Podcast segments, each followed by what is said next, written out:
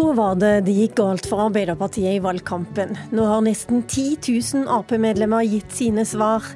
Prosjektet ble for ullent, regjeringsalternativet forble uklart, og politiske saker forsvant i dårlig håndtering av vanskelige saker. God morgen og velkommen til Politisk kvarter, partisekretær Kjersti Stenseng i Arbeiderpartiet. God morgen. Dere har altså fått innspill fra 9530 medlemmer av Arbeiderpartiet. I tillegg har dere gjort en undersøkelse blant vanlige velgere. Og lokallag har altså sendt inn en masse innspill som dere har jobba med gjennom helga og til i går kveld.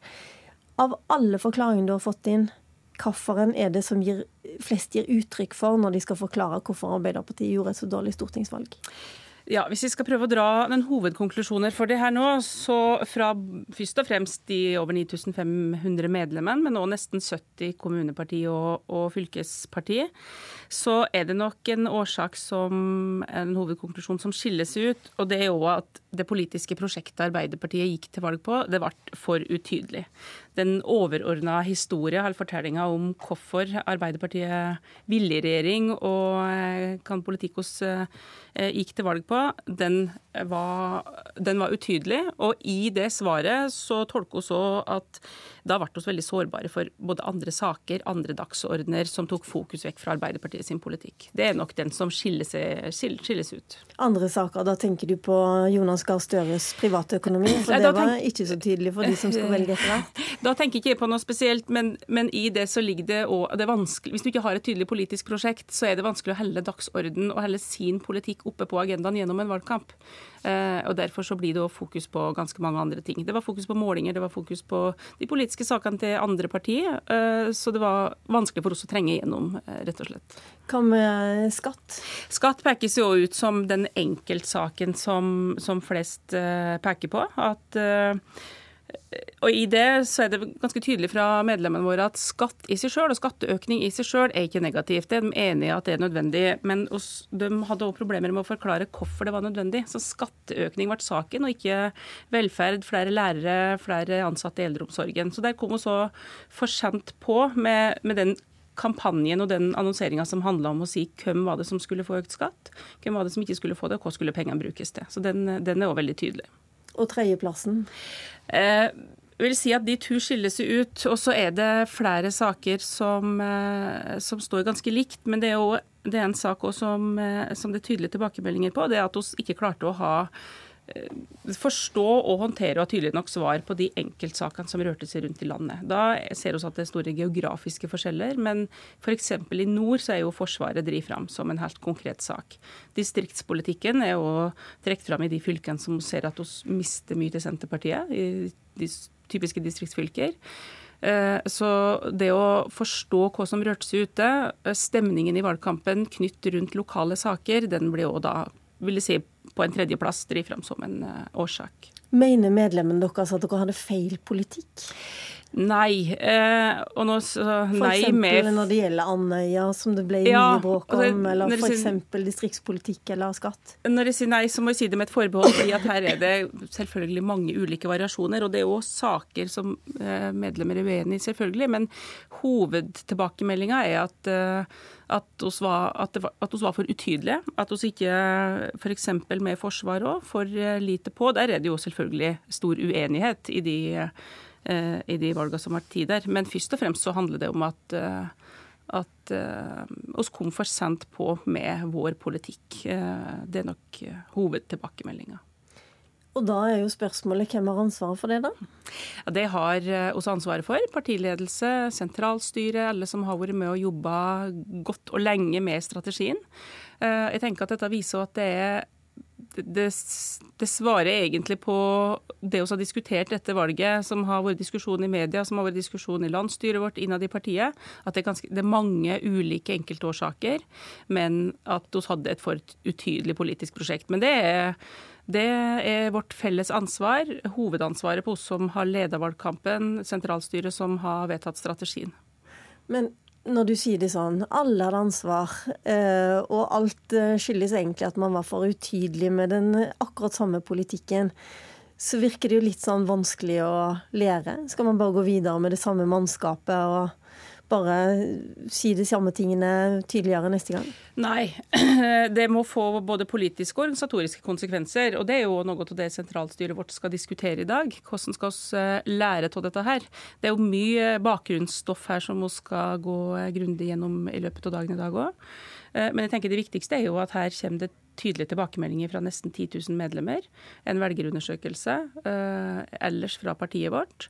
Så skal vi ta med oss det inn i det arbeidet vi skal gjøre nå med først og fremst organisatorisk ute. Tettere eh, kontakt, tettere samarbeid med kommunepartiene våre, med eh, grasrota som det ofte kalles. Eh, for å eh, bygge på, altså, utvikle en strategi fram mot 19 og 21. Eh, for det er jo en tilbakemelding om at vi må koble tettere på hele partiorganisasjonen vår. Det er en helt konkret organisatorisk konsekvens av det hos fete tilbakemeldinger her. Men hvis man spør folk på gata eller folk i media, folk som fulgte valgkampen de siste ukene, så var det veldig mye fokus på Støre sin privatøkonomi. Sier ikke dine medlemmer noe om det? Jo, det er å bli trukket fram som en, en to, altså Det er jo flere enkeltsaker og enkeltårsaker som blir trukket fram her. Og det kommer òg en tilbakemelding på at det var saker som ble for dårlig håndtert. Burde på hvilken måte da?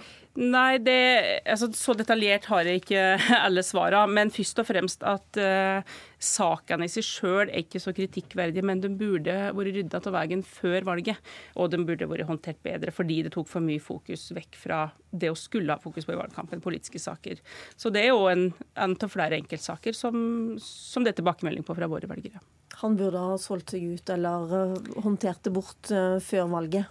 Det er altså Hovedkonklusjonen min fra de svarene som, som, omtaler det, er at det tok fokus vekk fra det å skulle drive med i valgkampen, og at det burde vært håndtert bedre. Var det noe positivt du fikk fram? Ja da, det var det. Eh, og det er selvfølgelig veldig Du har bedt meg om å stille det spørsmålet ja, også. Altså, for det å lære er først og fremst å skal forbedre oss der oss er for dårlige, men det er også viktig å ta med det som, som har fungert bra. Eh, og da er grasrotkampanjen en av de tingene som trekkes fram. Altså Husbesøk, stands, møte med våre folk ute eh, er oppfatta som veldig positivt. Så grasrota fungerte, grasrota, og topporganisasjonen fungerte ikke ja, så bra? Ja, partiorganisasjonen fungerte bra. Uh, ute. Altså uh, alle som drev valgkamp ute. Uh, AUF. Okay fungerte veldig bra, eller for positive tilbakemeldinger. Det gjør i egne kanaler altså Vi har jo nå gjort veldig mye sjøl av både annonsering, eh, altså digital kampanje i egne kanaler. Det får så positive tilbakemeldinger på. Så er det veldig mye positive tilbakemeldinger på partilederdebatten og Jonas i debatt. Det er jo det veldig positivt på. Ok, Jeg er sikker på at du skal si mye om det positive når du møter sentralstyret senere i dag. Men nå har jeg invitert to kommentatorer her for å snakke om hva Arbeiderpartiet har gjort galt. For det var vel i hvert fall utgangspunktet utgangspunktet for hele evalueringen. Og jeg kan begynne med deg, Irene Halvorsen. Du har fulgt norsk politikk eh, både fra Dagsavisen tidligere og nå som sjefredaktør i Nasjonen. Eh, og du har fulgt politikken i over 20 år. Hva var det som skjedde med Arbeiderpartiet i denne valgkampen, sånn som du ser det? Ja, det er mange ulike ting, og det er mye av det Kjersti Stenseng sier som jeg eh, tenker er eh, riktig. Men i tillegg så, eh, så, Noe av det siste hun sa, er, at i det hun forteller går bra, så ligger det en ganske betydelig fortelling av hva som går dårlig. Og det er at eh, Youngstorget og eh, sekretariatet til stortingsgruppa burde jo være dynamoer i eh, valgkampmaskineriet i Arbeiderpartiet sånn vi kjenner det. Og de ble propper hvor alt stoppet opp. Jeg tror at Arbeiderpartiet ikke bredde seg ut og brukte kraften i hele bevegelsen. Eh, og de gjorde jo også et fantastisk valg i 2015 og brukte jo nesten ikke byene og de profilene som de fikk inn i 2015. Så jeg tror de ble veldig redde for å gjøre noe galt. Alt skulle sentralstyres. Og hvis du er så redd for å gjøre noe galt, så blir det også veldig vanskelig å gjøre noe riktig. Deler du det inntrykket, Magnus Takvam, du er politisk kommentator her i NRK? Ja, det var noe med Arbeiderpartiets sentrale valgkamporganisasjon som ikke fungerte. Eh, du ser det ofte litt i kontrast til konkurrenten, som f.eks. partiet Høyre, som jeg i hvert fall opplevde var mye mer på, som det heter, og aktiv til å skyte ned utspill og hadde en stab som på en måte fikk tillit og gjorde selvstendige eh, avgjørelser. Mitt inntrykk er at Arbeiderpartiet har en mer skal vi si, saksbehandlertype tilnærming til den typen eh, organisering. I hvert fall virket det sånn. Og, og det, det, er en viktig svikt, føler jeg, i, i hele valgkampmaskineriet. Men propp på Youngstorget. Vi har jo alltid hørt om at den store valgkampmaskinen til Arbeiderpartiet, det er liksom ingen i nærheten av dem, eh, Halvorsen? Nei, men de er jo altså Arbeiderpartiet på sitt beste. Er det, er det vanskelig å se at andre i Norge kan eh, matche? Men fikk, jeg fikk i hvert fall aldri følelsen av at den kom ordentlig i gang. Eh, og jeg tror rett og slett at veldig mange henvendelser stoppet der. Arbeiderpartiet har jo veldig mange flinke folk eh, i veldig mange ulike posisjoner. Det, men det var liksom vanskelig å komme på. Så tror jeg også det er riktig som Stenseng sier, altså at hvis du først liksom blir drevet litt på, på retur, så blir du gående liksom og forsvare deg ikke sant? fra skanse til skanse, så du kommer ikke egentlig på. Og det er jo egentlig, hvis jeg skal være helt ærlig, hvis hovedkonklusjonen av en sånn evaluering er at de hadde et for tydelig politisk prosjekt, så er det jo en drepende evaluering fra egen organisasjon. For utydelig, mener du? Ja, altså det å ha et utydelig politisk prosjekt, hva du vil med politikken din, hva du vil med landet, det er jo selve eh, grunnen til å være politiker og grunnen til å være politisk parti. Altså, jeg, jeg, føler nok det begrepet tydelighet er, er, på en måte, kan også være litt sånn villedende, for hva betyr egentlig det? Jeg mener at f.eks. i sysselsettingspolitikken, i kritikken av regjeringen, så var det ikke mangel på tydelighet fra Arbeiderpartiet som var problemet, men det var innholdet i kritikken, som de selv er inne på her, om at de leste samfunnsutviklingen øh, og konjunkturene feil. Eh, de var tydelige på, i, løpet av perioden på landbrukspolitikk, Nasjonal transportplan. De eh, holdt jeg på å si, drev overbudspolitikk når det gjaldt å konkurrere med regjeringen. Det er sånn at det å si at ting ikke er tydelig nok, er, er for diffust. Så du skjønte hvor Arbeiderpartiet ville? ja, de, ja, men som sagt så, så ga det jo da ved den måten de argumenterte om sysselsettingen på, regjeringen gode kort. For da kunne jo på en måte Erna Solberg og, og, Siv Jensen si at vår politikk virker og ledigheten går ned. Slik at du opptrer jo alltid i en konkurranse med, med motparten her. Gjør du på en måte feil eller har feil vurderinger, så gir du den andre parten et kort. Og bare et siste poeng. Eh, altså LO som svær, tung organisasjon følte jeg i hvert fall på nasjonalt plan ikke var nok for Arbeiderpartiets del til stede i valgkampen.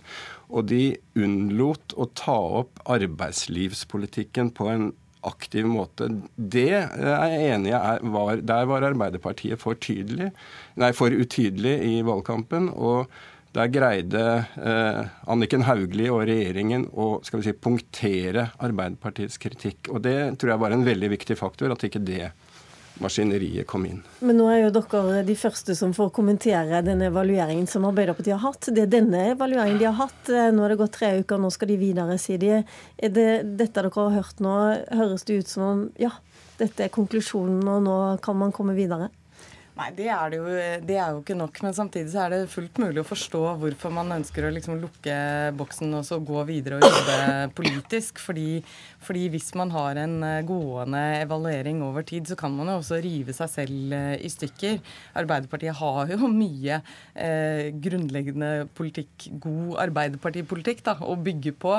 Sånn at det kan godt hende at eh, det, dette vil jo være en måte å operasjonalisere sin egen politikk på, istedenfor å sitte og surre og prate om alt som ikke har alt. Så det kan godt hende det er vellykka. Det er flere ting å diskutere også, bl.a. hvem som skal ha hvilke jobber eh, på Stortinget. og Der sitter også Kjersti Stenseng eh, og er den som skal bestemme det. Har du planen klar for hvilke komiteer de skal få, Kjersti Stenseng?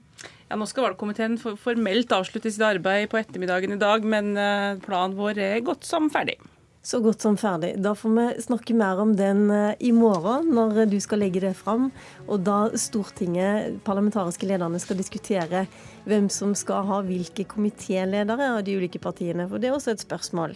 Jeg må si tusen takk, Kjersti Stenseng, Irene Halvorsen og Magnus Takvam. Mitt navn er Lilla Sølhusvik. Jeg hører oss igjen i morgen.